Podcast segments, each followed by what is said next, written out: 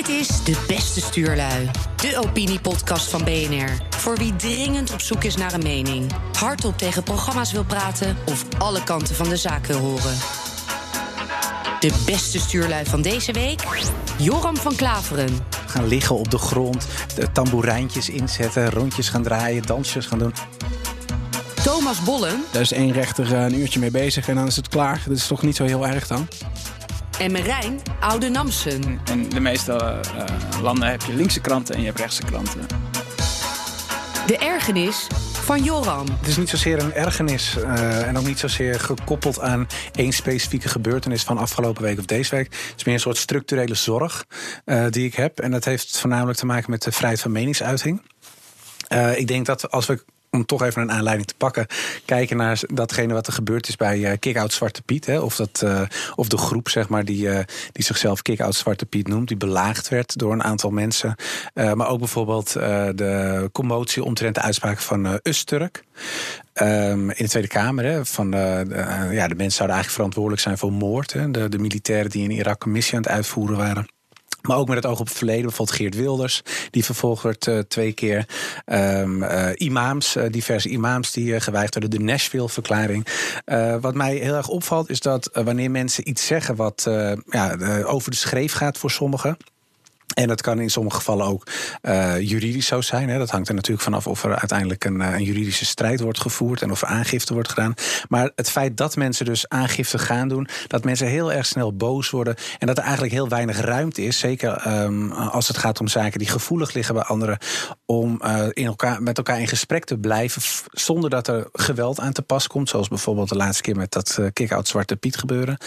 Um, dat is iets wat mij wel echt zorgen baart, omdat je het, het politiek debat en überhaupt het maatschappelijk debat smoort uh, wanneer er echt uh, ja, mensen geïntimideerd worden, bang zijn om een mening te geven. Maar ook als er rechtszaken worden aangespannen. Ik bedoel, ik was het inhoudelijk niet eens met wat Usturk zei. Ik denk dat het niet uh, kies was. Alleen, ja, ik vind dat hij dat wel moet kunnen zeggen. Zeker in de Tweede Kamer. Hij is überhaupt politiek onschendbaar als hij het daar heeft gezegd. Dus ik denk dat de aangiftes ook niet zo heel veel kans maken. Maar het feit dat hij dat zei is misschien niet, uh, niet smakelijk. Maar het feit dat hij dat moet kunnen zeggen is me wel heel erg veel waard. En ik denk als je dat niet kunt zeggen, dat je zeker als volksvertegenwoordiger niet meer kunt zeggen wat, wat jij denkt dat je moet zeggen voor je achterban. Maar ook uh, zeg maar in brede zin, in maatschappelijke zin, uh, dat uh, de gevoeligheid is bij sommige mensen zo hoog opgelopen, hè, voor Zwarte Piet, tegen Zwarte Piet, dat een normaal gesprek bijna niet meer mogelijk is. En dat baart mij wel zorg, want de gang naar de rechter is volgens mij het laatste wat je moet doen. En geweld gebruiken al helemaal niet. Alleen ja, die beide zaken, die zie je bij de voorbeelden die ik net noemde, uh, juist heel expliciet naar voren komen. En dat is uh, ja, niet alleen dus een ergernis, maar vooral ook een zorg. Ja, ik denk dat de meeste mensen het natuurlijk wel met je eens uh, zullen zijn. Ik denk dat het, het bredere probleem natuurlijk is, is dat in Nederland uh, rond controversiële thema's dat mensen al snel hebben van oh, daar ga ik me niet aan branden. Laten we dat gewoon overlaten aan de rechter. Je ziet hetzelfde met Geert Wilders natuurlijk. Hè? Dus de, de uitspraken van Geert Wilders over Marokkanen, uh, die werden ook wel politiek veroordeeld. Maar zeg maar, de, de, de neiging is om gewoon te zeggen van nou ja, de rechter bepaalt wat de grenzen zijn van het vrije debat. Uh, en, en, en politici zelf die, die nemen een veel afwachterende houding in. En ik denk dat dat, dat dat eigenlijk het werkelijke probleem is. Zeg maar. Als politici en ook journalisten zelf gaan bepalen. En, in debat gaan over wat nou eigenlijk de randen van het debat uh, zijn. Wat die zijn, dan, dan krijg je volgens mij een veel inhoudelijker debat dan, dan wat er nu gaande is. Ja, ja dat denk ik dus ook. Ik denk, ik denk vooral de, het gemis, zeg maar, ook misschien aan uh, ja, misschien lef. En, maar ook misschien gewoon een beetje commitment, politiek commitment. Gewoon in brede zin. Dat mensen ja, minder snel geneigd zijn om een woordje te doen. En waar ze zich misschien uh, uh, ja, uh, vertrapt voelen, of juist niet, of gesteund voelen, dat dat, ja, dat het vaak overgelaten wordt aan, aan enkelen. En dat, dat speelt zich dan vooral af in de periferie. En ik denk dat dat niet ten goede komt aan het brede maatschappelijke debat. Maar wat, wat vind je dan? Vind je dat ze, de mensen dan gewoon meteen daar ook volop in moeten gaan? Ik heb bijvoorbeeld dat dit Kamerdebat, werd er daarna niet ook gezegd van, nou, dit is echt een onsmakelijke opmerking, noem het geen moord en benoem het anders? Ja, zeker. Dat werd ook gezegd. Alleen um, uh, wat, wat ik dan jammer vind, want er werd s'avonds een debat gevoerd bij Pauw. En daar werd, uh, wat was een collega van Usturk, die ging daar nog. Er werden, de beelden werden getoond. En daar ontspond zich eigenlijk opnieuw die discussie. Uh, en toen uh, hoorde je vervolgens dat er honderden aangiften waren gedaan tegen Usturk. Vanwege mm. zijn uitlatingen. Mensen voelden zich beledigd. Uh, smaad werd genoemd, lasten werd genoemd ja, ik, ik, kan me best voorstellen dat mensen gekrenkt voelen. Ik, wat ik zei, ik vond het ook geen uh, gepaste uh, uitspraak. Alleen om nou direct aangifte te gaan doen, dat gaat wel heel ver. Want ik bedoel, je, je, kunt dat ook gewoon weer spreken. Je kunt dat op meerdere manieren doen. Je kunt artikelen schrijven. Je kunt in debat gaan. Uh, hij gaf zelf aan dat hij in gesprek wilde gaan met piloten naar de hand. inderdaad, in de politiek mag er misschien wat harder en meer over gesproken worden. Maar de gang naar de rechter vanwege een uitspraak die jij vervelend vindt. ik vind dat moet echt de aller, allerlaatste stap zijn die je kunt zetten. En het was zo kort op elkaar. Dus ik denk, al die tussenstappen die zijn helemaal niet genomen. Het was meteen, oké, hij zegt iets vervelends. Uh, wordt tegen, uh, tegen iets, iets, iets tegen hem gezegd. Hmm. wat misschien haak staat op datgene wat hij vond. En meteen de rechter. Maar, denk ik, ja, dat gaat ver. Maar is het zo, zo erg? Want als het. Uh, kijk, kan, het wordt vervelend als daardoor de rechtspraak uh, vastloopt. dat alle rechtbanken bezet zijn. omdat er alleen maar van die onzinzaken lopen. Wat soms ook gebeurt. Maar als dit er gewoon. Het zijn een aantal mensen zijn beledigd. die spannen zo'n zaak aan. heeft geen schijn van kans. Dat, daar is één rechter een uurtje mee bezig. en dan is het klaar. Dat is toch niet zo heel erg dan? Nou, ik denk dat het wel heel erg is, omdat je het politieke debat smoort. Je maakt mensen ook bang. En kijk, nu is hij zo'n volksvertegenwoordiger. Hij zei dat in de Tweede Kamer. Dus wat ik zei, ik denk dat het weinig kans maakt, omdat hij uh, onschendbaar is. Uh, om hetgeen wat hij daar zegt. Hetzelfde geldt voor Geert Wilders. Als hij dat zegt in de Tweede Kamer, uh, ook voor alle politici trouwens, dan gebeurt er niet zoveel. Maar doe je dat daar buiten dan kan er wel aangifte gedaan worden. En als je dus merkt dat mensen dat nu al doen terwijl iemand spreekt in de Kamer, dan kan het best zijn dat mensen denken: Nou, de volgende keer zeg ik wel niet wat ik vind. En dan gaat dat debat misschien ondergronds. Dan krijg je nog meer spanningen, nog meer polarisatie. En dan komt dus dat, uh, ja, het werkelijke gesprek en misschien ook dat het je verder kan brengen, want het is de hoop van een maatschappelijk debat. Uh, dat blijft dan uit. Dus ik denk in dat opzicht dat het een groot probleem kan zijn. Maar ik kan er nog ook, ook wat tegen ingaan. en dat is denk ik dat er eigenlijk sinds uh, Fortuyn en Theo van Gogh hebben we eigenlijk een idee, een hele ruime opvatting van wat het debat zou moeten zijn, waarbij uh, mensen openlijk beledigen ook uh, begrepen wordt als een vorm van debat.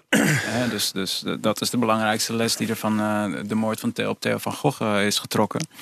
Uh, we moeten die, die vrijheid van meningsuiting zo ruim mogelijk interpreteren. Maar ligt dat aan Theo van Gogh en in die tijd? Of ligt dat eigenlijk ook al daarvoor? Want het is, als je kijkt bijvoorbeeld naar de jaren 60, 70... en datgene wat er door bepaalde schrijvers werd gezegd... bijvoorbeeld over christenen en over de kerk en over het geloof... wat voor heel veel mensen heel beledigend was. Eh, van uh, God had seks, weet ik veel, als een ezeltje. Nou, je ja, kent het voorbeeld wel. Maar dat zou, dat zou voor heel veel mensen... zal dat net zo kwetsend zijn geweest... als uitspraken die de afgelopen decennia zijn gedaan. Dus ik weet niet of dat echt ligt aan die periode van Gogh en Fortuyn. Ik ja, denk dat dat natuurlijk dichterlijke vrijheid. Hè? Dus ik bedoel, een, een, een literair auteur die kan gewoon allerlei obscene dingen in een boek schrijven. En dat heet dan literatuur. Dat is. Uh, nee, tuurlijk, maar dat valt er natuurlijk ook onder. Ja, ja, Theo van Gogh zal zichzelf waarschijnlijk ook een artiest genoemd hebben. Die, die, die films. Die... columns en die, die, die plaatste stukjes uh, online op websites. Ik zou hem niet een, een literair auteur noemen. Of dat hij een oeuvre heeft of zo. Nee, weet dus, ik niet. Hij, hij, ik dus- denk wel dat hij zichzelf een artiest heeft gevonden. Hij maakt ook films natuurlijk. Ja, hij, hij schreef artikelen, films, hij schreef boeken of bundels in ieder geval. Dus. Maar kijk, dus, uh, je hebt gewoon... Uh, je ziet eigenlijk een tendens waarin eigenlijk er steeds meer... mogelijk wordt geacht in het, in het debat. En daardoor krijg je een verruwing van omgangsvormen in het debat. Uh, en uh, ja, ik denk zelf dus dat je niet naar de rechter uh, moet stappen daarvoor, maar dat je het, dat binnen het debat zelf moet gaan oplossen. Ja. Maar om, juist omdat je dus in Nederland die algemene opvatting hebben, alles moet kunnen, behalve als je over de grens van de wet heen gaat. daardoor krijg je dat beroep op de rechter. Het is heel paradoxaal. Ja, ja, En dus als we eigenlijk gaan zeggen van nou ja, oké, er zijn bepaalde dingen die we uh, moreel veroordelen met z'n allen. Uh, en daar hebben we continu discussie over. En dan, heb je niet de hele tijd de neiging om naar de rechter te stappen. Want dat leidt natuurlijk ook tot een soort politisering van de rechtspraak. Hè? Dus als, ja, absoluut. als, als Geert Wilders voor de rechter staat uh, en, de, en de rechter zegt daar dan iets over, dan heeft het ten eerste nauwelijks werkingskracht. Hè? Want het is een oordeel. Wat, wat heeft hij nou gekregen qua veroordeling? Um, maar vervolgens wordt, wordt het hele instituut uh, van de rechtspraak uh, wordt daardoor ondermijnd eigenlijk. Of veel, veel, door veel mensen als, als politiek gezien. Dus het is een slechte ontwikkeling dat mensen dan naar de rechter gaan. Maar de, uh, voor eigen rechter spelen, zoals bij die uh, Zwarte Pietenclub, dat, uh, nee, maar kijk, dat is nog erger. Dus dan is het goed dat, dat sommige mensen denken... nou, dit vind ik echt niet kunnen, maar ik ga in ieder geval nog naar de rechter... in plaats van dat ik zelf ja, kijk, Het punt is, dat het ging daar niet... de mensen die, dat er nu een rechter aan te pas komt... dat heeft natuurlijk niet, niets meer te maken met het feit dat iemand iets zei. dit ging ook om geweld. Er werd gewoon geweld toegepast. Ja, en dat hmm. is natuurlijk überhaupt een grens, zeker in het debat. Uh, dat mag je niet doen. Dus, dus in dat opzicht, natuurlijk, als de wet wordt overtreden, moet je zeker uh, de gang naar de rechter maken. Alleen als het gaat om de vrijheid van meningsuiting, je hebt het lex certa-beginsel. En dat is eigenlijk dat je moet weten wanneer je iets strafbaars doet. Nou, als je dat niet weet en het is onduidelijk, dan betekent dat die wet niet duidelijk is.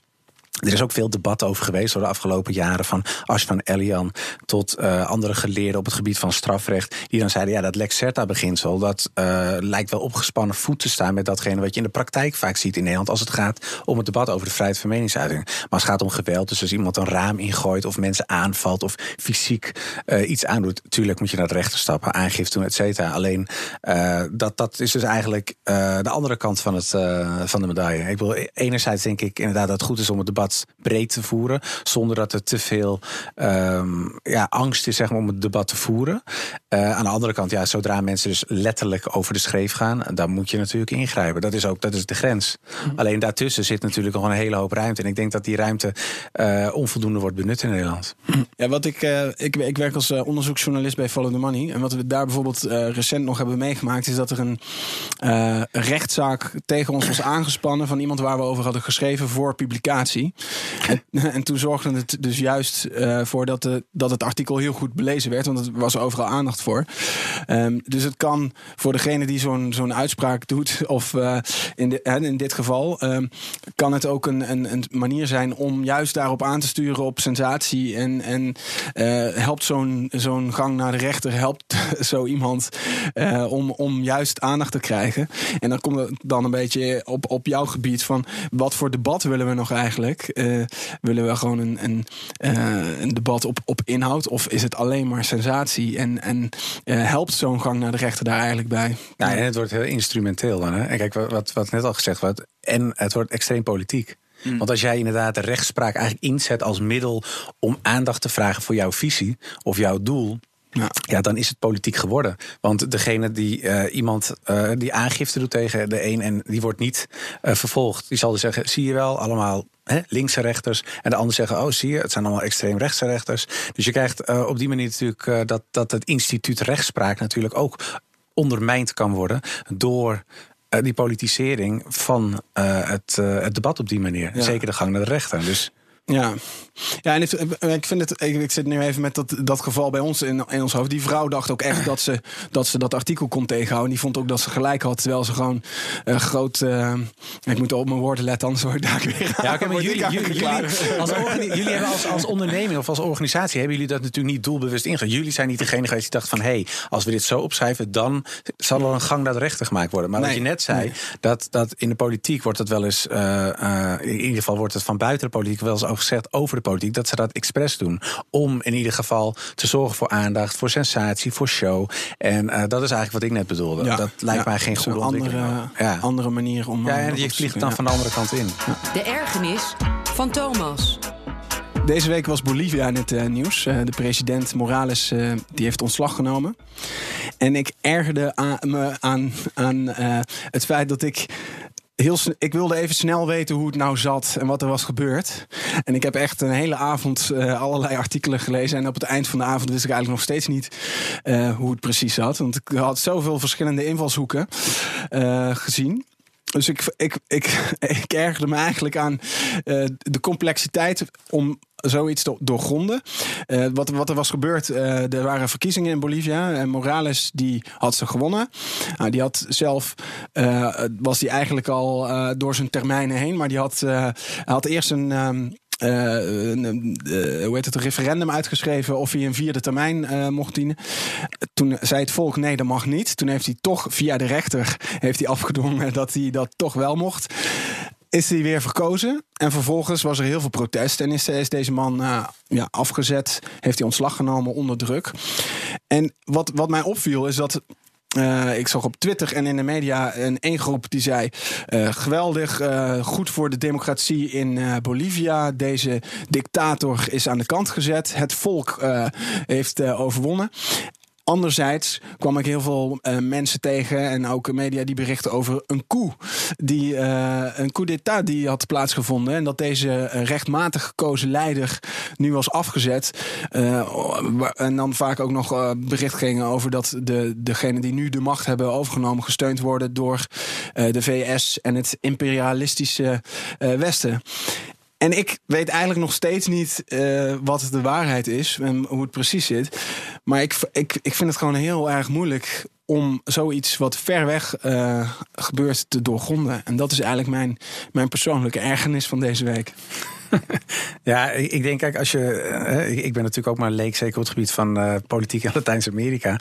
Um, alleen, um, ja, wat je wel ziet, in 2016 is er een referendum geweest in Bolivia. Waarbij hij eigenlijk vroeg om een grondwetswijziging, Morales. Uh, waarom? Omdat hij opnieuw een termijn in wilde gaan wat grondwettelijk niet toegestaan was. Nou, vervolgens verloor hij die, uh, dat referendum. En die grondwetswijziging konden ze eigenlijk niet doorgaan. Waardoor hij dus eigenlijk niet zou kunnen opgaan voor de volgende termijn. Maar hij heeft er niets mee gedaan. Hij bleef zitten en ging dus op voor de volgende termijn. De verkiezingen waar die dus afgelopen uh, het week heeft plaatsgevonden. Daar zag je dus dat, dat hij uh, ja, nipt had gewonnen of verloren. 24 uur voordat eigenlijk het, het finale oordeel zou moeten worden geveld. Was de controle op de stukken en op de stembusgang. En datgene hoe mensen hadden gestemd was niet meer inzichtelijk, het was niet meer transparant. En vervolgens heeft de OAS, dus de Organisatie van Amerikaanse Staten, gezegd: er is gefraudeerd. De Europese Unie overigens ook. En dus heb je eigenlijk twee momenten waarop Morales over is gegaan. A, in 2016, toen hij eigenlijk dus had moeten zeggen... oké, okay, dat kan niet, ik doe niet meer mee. Vervolgens deed hij wel mee, maar zagen we dus dat onder andere de Europese Unie en de OAS... dus zeiden, er is gefraudeerd, want we zien die laatste, um, uh, die laatste statistieken... zijn niet inzichtelijk, niet transparant. Uh, ja, daarna heb je natuurlijk gezien dat het leger hem eigenlijk heeft afgezet. Er kwam een generaal in beeld die zei van nou, Morales moet weg, uh, opstand, et cetera. dus in dat opzicht, ja, de democratische legitimiteit van hem was natuurlijk al eigenlijk verstreken. Aan de andere kant zie je natuurlijk de geschiedenis van Bolivia, en zeker de afgelopen 15 jaar, eigenlijk de periode dat hij aan de macht kwam, dat, uh, dat er heel veel goeds is gedaan voor de mensen. En dat, ik ben geen socialist. Uh, de kans dat ik dat ooit word is ook heel klein. Maar alleen hij heeft natuurlijk met een bepaald socialistische politiek heeft hij best veel goed gedaan. Zelfs het IMF, wat economisch gezien redelijk conservatief is, heeft gezegd: Nou, ze hebben een overschot, het loopt lekker, de armoede is teruggelopen, het onderwijs is vooruitgegaan, zeker voor uh, mensen zonder geld. Dus ik snap best dat de, de overgrote meerderheid van de bevolking hem graag nog een keer hadden willen zien uh, optreden als president. Alleen het kon niet grondwettelijk. Ja. ja. en volgens mij is dat een beetje waar je nu tussen zit. De oppositie vindt het natuurlijk prachtig dat hij weg is. Tegelijkertijd zie je een grote groep uh, achterban. Het is de meerderheid in de, uh, van de bevolking in Bolivia die het vreselijk vindt. En hij zit in een ander land. Ja, het is, een, het is een soort. Het is eigenlijk. Het is wel een coup, maar het is een coup tegen een, een regering die eigenlijk geen democratische grondslag meer had. Of democratische legitimiteit sinds uh, er fraude was geconstateerd bij de verkiezingen. Dus uh, ja, het, is allebei waar. En dan krijg je nu dus uh, een, een, nieuwe iemand die zich heeft opgesteld als plaatsvervangend president. die ja, openlijke racistische uitspraken heeft gedaan richting die inheemse bevolking. Dus je hebt, Bolivia is een, een, totaal gepolariseerd land. Met aan de ene kant een, een, nou ja, de overgrote bevolkingsgroep is, is inheems.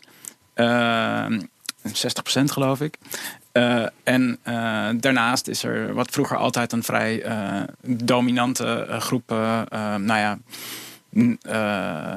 de, de erfgenamen van, van de Spaanse kolonisatoren en de mestizas, hè, dus de, de, de, mensen die, die van gemengd ras, zullen we maar zeggen. die, die, zaten dan, die waren altijd politiek dominant. Dus tot nu toe was Morales eigenlijk was, was een soort van zijn presidentschap was een, een, teken van emancipatie van, van die inheemse bevolkingsgroep. Maar die polarisatie die is nooit verdwenen. Dus de vraag is een beetje van hoe, hoe dat zich nu uh, gaat uitspelen daar. Nou, ik ben blij dat jullie zoveel over het land weten. uh, maar dat is denk ik ook een van de moeilijkheden die, die ik zelf had. Van, ik wist relatief weinig van Bolivia. En uh, ik, ik zie dan op, op Twitter bijvoorbeeld ook um, Jeremy Corbyn van de Labour Partij en uh, AOC, uh, Ocasio Cortez. Die, die twitteren er een koe in, in Bolivia. Wij staan achter het volk.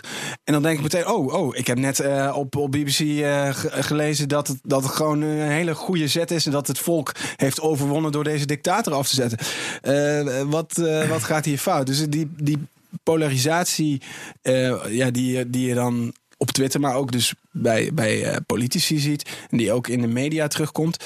Uh, hoe, hoe, hoe, waar baseer je op in zo'n kwestie op? Want jij kent nou de, de, historie en je analyseert dat zelf. Dus er is gewoon veel onderzoek. Uh, maar hoe doe je dat? Nou ja, kijk, ja, die, die, de twee mensen die je aanhaalt zijn natuurlijk socialisten. Hij is ook een socialist. Het is ook een beetje een strijd. Hè? Zijn hele campagne heeft hij altijd gevoerd vanuit het socialistische idee. Hij pakt het neoliberalisme aan. Er werd constant verwezen naar de neocons. Dat is een beetje zijn politiek. Nou ja, als je kijkt naar Cortés en zeker ook Jeremy Corbyn. Dat zijn natuurlijk geen liberalen nee, in economische zin. Dus die, vinden, die, steunen, die steunen zijn uh, ideologische strijd. Uh, ja, ik, dat vind ik niet verrassend. Ik deel die visie niet, maar ik vind het niet verrassend. Ik vind het altijd wel een beetje uh, grappig. Dit is volgens mij een heel erg Nederlands fenomeen dat mensen het soort vragen om een bepaald type objectiviteit. Uh, terwijl volgens mij de werkelijkheid in, in de meeste landen in de wereld is dat de pers. Um, dat die politiek gezien uh, verdeeld is. Hè? Dus je hebt uh, in, in, de meeste uh, landen heb je linkse kranten en je hebt rechtse kranten. denk aan een, een, Wall Street Journal of zo zal echt iets anders vinden over Bolivia dan zeg maar het progressieve blad The Nation of zo. Hè? Dus, dus uh, alleen in Nederland hebben we die uh, diversiteit in de media niet. Dus zeg maar, ik ben heel erg gewend om, om buitenlandse media te volgen. En dan, ja, dan, dan weet je toch dat The Guardian heel anders over Brexit zal rapporteren dan de Telegraph. Of, of dat je. in Duitsland heb je ook conservatieve en linkse kranten. Alleen in Nederland hebben we allemaal kranten die heel erg netjes in het midden zitten. Dus dan is er een soort consensus over hoe we bepaalde evenementen interpreteren. Maar volgens mij moeten we gewoon met z'n allen leren van, nou ja, oké, er zijn gewoon verschillende perspectieven op het nieuws. En je moet ze allemaal begrijpen. Maar daar heb ik toch geen tijd voor om al die kranten op zo'n onderwerp te lezen. Ik wil gewoon een objectieve beschrijving wat er gebeurd is. En dan wil ik gewoon kunnen uh, destilleren of het een koe was of dat het gewoon. Ja, dan moet je dus, uh, lid zijn van een krant die ongeveer bij jouw politieke profiel past. Ja, maar dat wil ik juist niet. Ik wil niet een politiek. Ik wil gewoon. ja, maar de wereld is politiek. Ja, ik denk, ik denk gewoon als het gaat om politiek en zeker ook om, uh, om, uh, om media, wat er net al gezegd werd, daar bestaat geen objectiviteit. Hmm. En dat is misschien inderdaad uh, lastig voor sommige mensen, maar dat is volgens mij wel wat het is. Maar dus, ik vraag me gewoon af, want uh, dit is dan uh, ver weg gebeurd en er zitten dan heel weinig correspondenten daar. En dan al die media schrijven van elkaar dan het verhaaltje over. En ik wil eigenlijk gewoon bij de bron uh, komen. En die kan ik niet achterhalen. Want dat is, dat, ik doe zelf dit werk op een bepaald vakgebied. Dan weet ik precies waar ik moet kijken, bij wie ik moet zijn. En dan kan ik mijn eigen onderzoek uh, mm. doen. En ik heb bijna het idee dat ik dat hier ook moet doen. Omdat ik anders uh, me baseer op, op onbetrouwbare bronnen. Maar ja, dan nog de bronnen die jij, aan, die, die jij zal benaderen. Dat zullen natuurlijk bronnen zijn in een, bepaald, in een bepaalde hoek. En die zult mensen niet spreken die misschien een hele andere visie hebben. En zeggen, ja, zie je wel, die follow the money, dat is een links of rechts blaadje of, uh, of een internetsite. Dus dat, dat hou je toch. Ja, maar dan dan Als het niet aansluit bij de visie van mensen, ja, zullen dat, zeggen: Oké, zie je, ja, wij zijn bij ons. Dit is misschien, ja, dit is, dit is misschien iets sowieso wat politieker. Want financiële dingen zijn vaak nog wel. Er zitten heel veel feiten aan de grondslag. Maar ik denk dat hier bij wat er in Bolivia is gebeurd, is ook iets feitelijks gebeurd. En dan vervolgens geef je daar een politieke interpretatie aan. En ik wil, ik wil meer feiten eigenlijk uh, in zo'n uh, zo'n analyse ook. Heb van ons net heel veel feiten gehad. Ja, ja dat was fijn. dat was een goed begin. Ja, ik vind het gewoon uh, moeilijk. Ik erger me eraan. Ja. De ergernis van Marijn.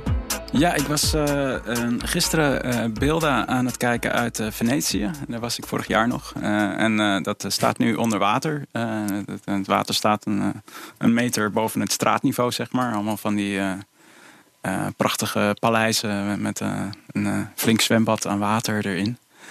Um, en tegelijkertijd was er dit, deze week ook het nieuws uit Australië en Californië, waar, waar heftige bosbranden zijn. Dus uh, er is een soort van uh, klimaatverandering is, is eigenlijk het nieuwe normaal, of beter gezegd, uh, extreme weersomstandigheden en, en een soort van rampen die daaruit voortkomen. Dat is het nieuwe normaal aan het worden. En wat mijn ergernis is, is dat er in Nederland een soort van, ja, laat maar waaien, we zien het wel, we schuiven het naar voren houding is. Ehm, twee weken geleden verscheen een nieuw rapport van Climate Central, waarin eigenlijk wordt aangetoond dat, dat die zeespiegelstijging dat die veel grotere consequenties zal hebben dan tot nu toe gedacht. dat er in plaats van 50 miljoen mensen, 150 miljoen mensen uh, onder water zullen komen te staan per 2050. Uh, eh, dat rapport werd in Nederland nergens in de media genoemd. Behalve bij Geen Stijl, waar het de kop kreeg. Klimaathysterie en uw dagelijkse dosis. dus ja, ik vind het heel uh, verrassend. Nederland is eigenlijk heel erg kwetsbaar voor zeespiegelstijging uh, en voor de gevolgen van uh, klimaatverandering. maar daar merk je heel erg weinig van in het publieke debat. Sterker nog, ik denk dat wij een van de landen zijn waar ja, dat, het hele gevoel van, van dat, dat klimaat, dat dat iets van, van hysterici is, dat dat gekkies zijn, dat het één grote hoax is, dat dat heel erg breed gedeeld wordt. En mijn, mijn ergernis is nog specifieker dat, dat politici daar veel te weinig weerwoord uh, over geven. Dus uh, we zien eigenlijk hetzelfde met, met uh, stikstof. Hè? Dus, dus de neiging is niet als er een probleem is. De neiging is om daarover niet te gaan communiceren, maar het voor je uit te schuiven. En nou ja, het is heel controversieel en willen we daar nu iets mee gaan doen. dan, dan, ja, dan, dan, kunnen we deze coalitie niet meer verder. dus we, we, verplaatsen het naar de toekomst. En hetzelfde zie je nu gebeuren dat, dat eigenlijk een bestuurlijke elite in Nederland die uit droge feiten kan weten dat er dus een, een, toch wel vrij radicaal beleid nodig zal zijn in de komende decennia, dat die je gewoon niet thuisgeven. Sterker nog, we hebben iemand als Dijkhoff die zegt van we hebben geen verandering nodig van onze levensstijl. Uh, en ik denk dat dat, uh, dat soort pogingen om de boel te sussen, om, vooral de boel bestuurbaar te houden en zo. Dat die op lange termijn uh, desastreus zullen uitpakken. Net als die, die stikstofcrisis. Uh, Hm. Ja, ik, ik eh, ervaar het heel anders. Ja, ja kan me voorstellen. nee, ik, ik, vind, ik vind inderdaad dat er eh, heel erg veel aandacht is voor dat hele klimaatgebeuren. Uh, je hoeft de televisie maar aan te zetten of een krant open te slaan. Er is wel een artikel of een item bezig over klimaatverandering. En ik denk ook dat het wat hysterisch wordt gemaakt. Ik deel overigens niet de analyse dat er helemaal geen klimaatverandering zou zijn. Hoor. Ik, ik ben wel van mening dat het hier is. En ik denk ook wel dat de mensen aan bijdraagt. Alleen de wijze waarop dat door bepaalde groepen wordt uh, ingezet om hun doel te verwezenlijken. Dat zorgt zeker in Nederland, omdat het over het algemeen redelijk. Um, ja, niet, niet heel erg op de controverse zitten. Um, het, wordt, het wordt hysterisch gemaakt. Dat, dat meisje, hoe heet ze, Greta Thunberg. Ja, die dan staat te schreeuwen en in tranen en zo. Ja, dat maakt het heel hysterisch. Uh, mensen die van die uh, climate extinction of extinction clubjes... die dan op metro's gaan staan schreeuwen... Uh, de, de, gaan liggen op de grond... de tamboerijntjes inzetten, rondjes gaan draaien... dansjes gaan doen. Dat maakt het voor heel veel mensen ja, belachelijk dat, dat en clownesk. nee, maar dat is, dat is het beeld zeg maar, wat je dus meekrijgt. En ook wat er daadwerkelijk gebeurt. Ik stond toevallig zelf in Amsterdam bij het Museumplein toen. Achter een aantal ja, mensen die, die zo'n toneelstuk aan het opvoeren waren. En dat was heel erg eh, storend. Maar het maakt ook dat de boodschap die je volgens mij wilt meegeven: van er is inderdaad sprake van klimaatverandering. We moeten een aantal maatregelen nemen. Dat dat in het belachelijke wordt getrokken. En niet zozeer door de mensen die dat daar misschien niet eens mee eens zijn. Maar meer door die mensen die in zo'n overdrive die boodschap mee willen geven. Dat de mensen die een beetje in het midden zitten denken van nou, het zal allemaal meevallen als dat soort figuren het moeten gaan doen. Ja, volgens mij het probleem is, is gewoon zo'n klimaatrapport haalt gewoon het nieuws niet in Nederland. Het, het zou gewoon voorpagina's moeten halen en dat doet het niet. Maar misschien ook omdat mensen dus niet geassocieerd willen worden met de gekkigheid. Nee, nee, nee, dat denk ik niet. Want het is gewoon gebaseerd op, op vrij hard onderzoek. Dus, dus het is gewoon nieuws, niet nieuwswaardig, omdat het niet spectaculair genoeg is. Omdat het gaat over hele lange periodes van 30 jaar. Dat weet ik niet. En, en daardoor hebben mensen zoiets van: ja, oké, we gaan nu een daad stellen en we gaan hier een weg blokkeren. Om dan alsnog aandacht te krijgen. Ja, maar de, de, de voorman, zeg of de voorvrouw in dit geval, het gezicht van die hele klimaatbeweging is dat meisje uh, van 16 uit Zweden dat is als je een gemiddeld. Ik woon in Almere, een redelijk gemiddelde stad. Of nee, volgens mij komt het uit Zweden, toch? Nee. Ja, Zweden. Ja? ja? ja. Maar in ieder geval, als je, als je, haar, uh, als je mensen vraagt, goh, hè, wie, wie verwoordt nou het, het, het, het plaatje, wie is nou het gezicht, dan zal zij toch naar voren komen. En omdat dat dus zo hysterisch is, denk ik dat veel mensen daar op de een of andere manier afstand van nemen. En dan kunnen er inderdaad droge rapporten aan ten grondslag liggen. Maar door dat soort mensen wordt het, uh, wordt het lastig. Zeker ook omdat het meisje dan aangevallen wordt in persoon. Wat ik overigens ook niet terecht vind, want uh, dat is niet nodig. Maar ik, wil, ik denk dat daarmee het debat uh, lastig wordt. Maar je, net, Marijn, net zei je nog, um, in Nederland hebben we de neiging om lekker neutraal te beschrijven. En dan een beetje niet zo hysterisch naar de politiek van de ene kant naar de andere kant. En hier is het precies het tegenovergestelde. Want je zegt eigenlijk, het, is, het is niet wetenschappelijk. Er is weinig aandacht voor de echte feiten. En het, en het polariseert een beetje. Nou, nee, het is meer zo dat, dat zeg maar, de droge feiten het nieuws niet halen. Dus zeg maar, als Greta Thunberg een, een, een speech houdt, ja. dan haalt het het nieuws. Uh, omdat het uh, spectaculair is. En mm -hmm. dat iedereen er mening over heeft. Maar een, een, een rapport van 60 pagina's met, uh, met allemaal tabelletjes, dat haalt het nieuws niet. En dus de, ik denk dat de grote kranten er wel neutraal over rapporteren. Uh, maar dat het niet spectaculair genoeg is voor die kranten om erover te rapporteren. En dus krijg je dan dat, dat wat het nieuws wel haalt, dat is een protest ja. van Extinction Rebellion of dat is uh, Greta Thunberg, uh, het gezicht van de klimaatbeweging. Terwijl het enige wat zij zegt is van, nou ja, kijk nou eens naar die, naar die rapporten, die enorme stapels rapporten die daar liggen. Ja. En, maar dat, dat vindt men bij de journalistiek niet bijzonder aantrekkelijk. Terwijl ja, maar, dat voor Nederland verstrekkende ja. gevolgen heeft. Maar is dat, de, de, mensen vinden het blijkbaar niet uh, uh, aantrekkelijk. Je wil gewoon uh, lekker makkelijk. of je bent voor klimaatverandering of je bent tegen. alsof het een politieke keuze is. Terwijl die klimaatverandering, die, die gebeurt. Alleen het is, gaan we daar aandacht aan besteden of, of niet? En ik ben wel met je eens. Ik, ik heb wel de zorg dat doordat het het zo uh, gepolariseerd is, dat eigenlijk dat het dat de feiten er niet meer te doen en dat het meer een politiek debat wordt in plaats van dat het gebaseerd is op, op maar wetenschap. Ik zou niet zeggen dat het per se gepolariseerd is. Ik bedoel, ik denk dat er gewoon mensen hebben die zeggen van, nou ja, dit is de wetenschap en, en, en kijk daar eens naar. Dat is de Greta Thunberg. En dan heb je mensen die zeggen van, ja, ik ontken de wetenschap. Dus maar dan, ik zou niet zeggen dat er dan. Ja, maar Joram, jij schetst net, en dat zie ik ook wel. Um, een aantal mensen die het zeg maar, die, die hebben die wetenschap uh, gezien. En die, die, die maken er dan, die vinden dat er nu iets moet gebeuren. Ja. En, en dat daar ontstaat dan een, een, een, jij noemt het een toneelstukje. Ik denk dat het ook een stuk. Uh, nee, letterlijk, letterlijk toneelstuk. Op straat zag je mensen die okay, een toneelstukje nou, aan het oefenen. nou ja, dus letterlijk een toneelstuk. Maar ik denk dat het wel een beetje is ingegeven vanuit. Ik maak me heel erg zorgen. Waarom Zeker. gaan we gewoon door met wat we aan het doen zijn? De wereld gaat ja. een einde. Dus echt een beetje het doemdenken ook. En aan de andere kant, mensen die denken: ja, het zal mij een worst zijn. Uh, ik, uh, ik eet gewoon mijn vleesje en ik ga uh, doen waar ik zin in heb. En die toekomstige generatie, daar heb ik gewoon niet, niet zoveel mee. En, en dat wil ik eigenlijk niet herkennen. Dus ontken ik gewoon dat het überhaupt plaatsvindt. Want dat is nog een stukje makkelijker. Ja. ja tegelijkertijd is er natuurlijk, wat ik net, waar ik mee er is natuurlijk heel erg veel aandacht. Ik wil die hele politieke agenda wordt beheerst door het klimaat. Ik bedoel, het feit dat er zo'n enorme hoeveelheid geld eigenlijk gevraagd wordt om een aantal veranderingen door te voeren, uh, dat is natuurlijk wel tekenend voor het feit dat er aandacht voor is. En daarnaast denk ik dat het ook heel, wat jij aangaf net, uh, denk ik ook dat het heel erg gepolitiseerd is. Want uh, je krijgt natuurlijk wel enerzijds landen om ons heen die bijvoorbeeld van het, aan het gas gaan omdat ze zeggen, oké, okay, dat is veel uh, CO2-neutraler. Mm. En in Nederland moeten we allemaal van het gas af, moeten we, moeten we hout gaan verbranden. Uh, wordt ja, biomassa, et cetera, stookcentrales. Uh, dat maakt het natuurlijk ook. Ja, maar dat maakt ja, ja, inderdaad. Ja, maar dat was natuurlijk jarenlang was dat het punt van daar moeten we naartoe. Dat was zeg maar de groene maar, maar, beweging. En ja, maar wat het lastig maakt, denk ik, voor mensen die hebben zo lang zoveel verschillende verhalen gehoord van dit is goed voor het milieu. In de landen eromheen gebeurt exact het tegenovergestelde. Vervolgens wordt hier eigenlijk het uh, beleid weer gewijzigd. Ondertussen wordt er heel veel geld gevraagd van mensen. Dat mensen inderdaad op een gegeven moment denken.